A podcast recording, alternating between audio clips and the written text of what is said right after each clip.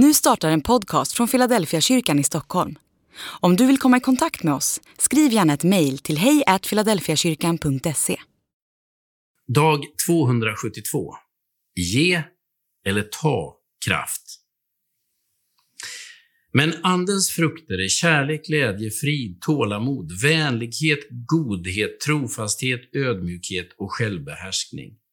Mot sånt vänder sig inte lagen. Galaterbrevet kapitel 5, vers 22 och vers 23. När barnen var små hände det ibland att vi blev lite för sena med maten. I takt med att blodsockret sjönk i barnaskaran så höjdes konfliktnivåerna. När läget blev akut och man insåg att något måste göras så brukar vi säga ta en frukt. En banan eller ett äpple var ofta tillräckligt för att fylla på de sinande energinivåerna och skapa lite ro tills maten var klar. En del människor är som den där frukten när man börjar tappa fokus och energi. När man möter dem känner man sig påfylld och glad.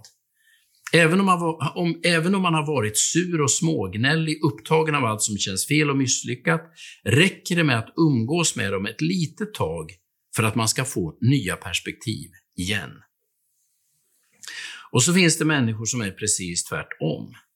När man möter dem är man helt slut efter en stund. Det är som om de sög all kraft ur en.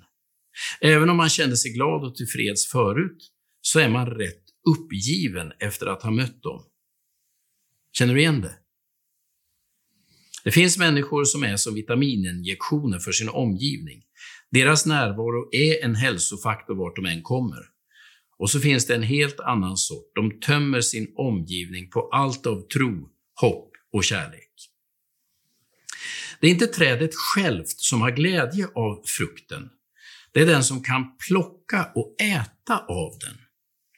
Bilden av frukt i en människas liv är ett sätt att tala om, det, om vad vi ger till vår omgivning. Vad människor, vad människor i vår närhet får smaka när de möter oss. När Jesus talar om att vi ska bära frukt menar han att vi ska vara en välsignelse för vår omgivning. Vi ska tillföra ny energi till människor som förlorat fokus. Vi ska föra med oss hälsa och läkedom till människor vi möter. Detta är Jesu avsikt med oss. Om han får tillfälle att forma dig kommer ditt liv att bära god frukt.